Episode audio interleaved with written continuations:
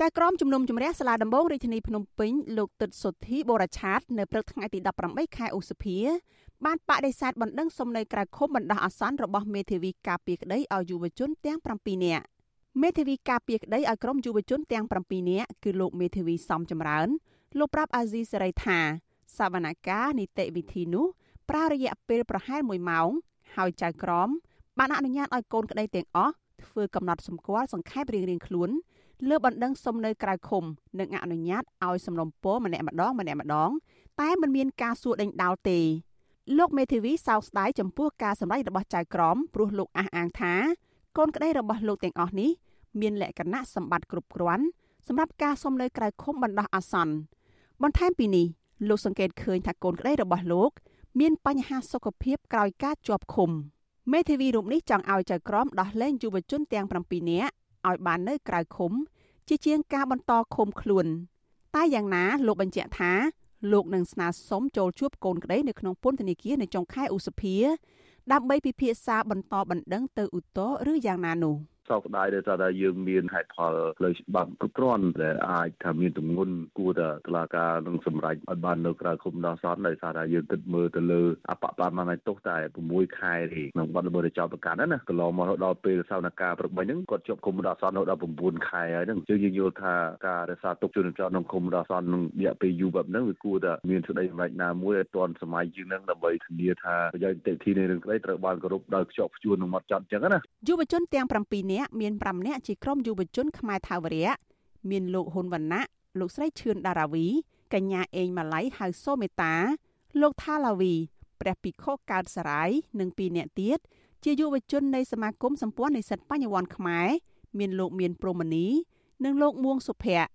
តុលាការក្រុងភ្នំពេញបានឃុំខ្លួនអ្នកទាំង7នាក់នៅក្នុងពន្ធនាគារព្រៃសរជាង8ខែមកហើយក្រោមបទញុះញង់ឲ្យប្រព្រឹត្តបទឧក្រិដ្ឋ ឬញុះញង់បង្កឲ្យមានភាពវឹកវរធ្ងន់ធ្ងរដល់សន្តិសុខសង្គម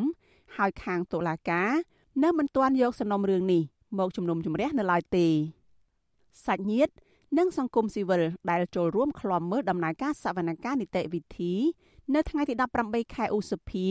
ក៏សម្ដែងការខកចិត្តចំពោះការបដិសេធបណ្ដឹងសុំនៅក្រៅឃុំនេះដែរម្ដាយរបស់លោកស្រីឈឿនដារាវីគឺលោកស្រីថាច់ធីតាមិនអស់ចិត្តចំពោះការសម្ដែងក្តីបែបនេះទេ លោកស្រីនៅតែទទូចឲ្យចៅក្រមដោះលែងកូនស្រី និងយុវជនផ្សេងទៀតឲ្យមានសេរីភាពវិញព្រោះលោកស្រីអះអាងថាអ្នកទាំងពីរមិនបានធ្វើសកម្មភាពខុសច្បាប់ ឬញុះញង់ឲ្យមានភាពវឹកវរដល់សង្គមទេបទញុះញង់ហ្នឹងវាអាច4ខែទៅ6ខែអីហើយបានគេត្រូវប្រជាកាត់ក្តីអញ្ចឹងហើយតែឥឡូវកូនខ្ញុំឡើង10ខែហើយហើយសូមពជានៅក្រៅឃុំហ្នឹងក៏អត់បានអញ្ចឹងខ្ញុំមានការកក់ចិត្តយ៉ាងខ្លាំងហ្មង អាស៊ីសេរីមិនអាចសុំការបញ្ជាក់បន្ថែមពីអ្នកនាំពាក្យសាលាដំបងរាជធានីភ្នំពេញលោកអ៊ីរ៉ានបានទេ នៅថ្ងៃទី18ខែឧសភាជំវិញការសម្រេចបន្តឃុំខ្លួនសកម្មជនសង្គមទាំង7នាក់នេះប្រធានផ្នែកកម្មវិធីស្រាវជ្រាវនិងតស៊ូមតិនៃសមាគមបណ្ដាញយុវជនកម្ពុជា លោកហេងកំហុងដែលចូលឃ្លាំមើលក្នុងសវនកម្មក៏ទាមទារឲ្យមានការដោះលែងយុវជនទាំង7នាក់ដែរ។ មន្ត្រីសង្គមស៊ីវិលរូបនេះយល់ថាការចោទប្រកាន់និងការបន្តឃុំខ្លួនយុវជនទាំង7នាក់ជាការប៉ះពាល់ដល់សិទ្ធិសេរីភាពបញ្ចេញមតិរបស់យុវជន។ចំពោះការសម្ដែងទុកមិញយើងខ្ញុំក៏មានការសោកស្ដាយដែរពីព្រោះអីរយៈពេល9ខែមកហើយដែលតឡាការមិនអាចដំណើរការសាវរណាការបានក្រោមហេតុផល COVID-19 ដែលធ្វើឲ្យប៉ះពាល់ទៅដល់ដំណើរការហើយនឹងអាចបន្តគុំខ្លួនគាត់ក្នុងរយៈពេលបន្ថែមទៀតដែលអាចនឹងប៉ះពាល់ទៅដល់សិទ្ធិសេរីភាពរបស់គាត់បាទ អាជ្ញាធររបបក្រុងភ្នំពេញបានចាប់ខ្លួនយុវជនទាំង7នាក់ដាក់ពន្ធនាគារជាបន្តបន្ទាប់កាលពីខែសីហានិងខែកញ្ញាឆ្នាំ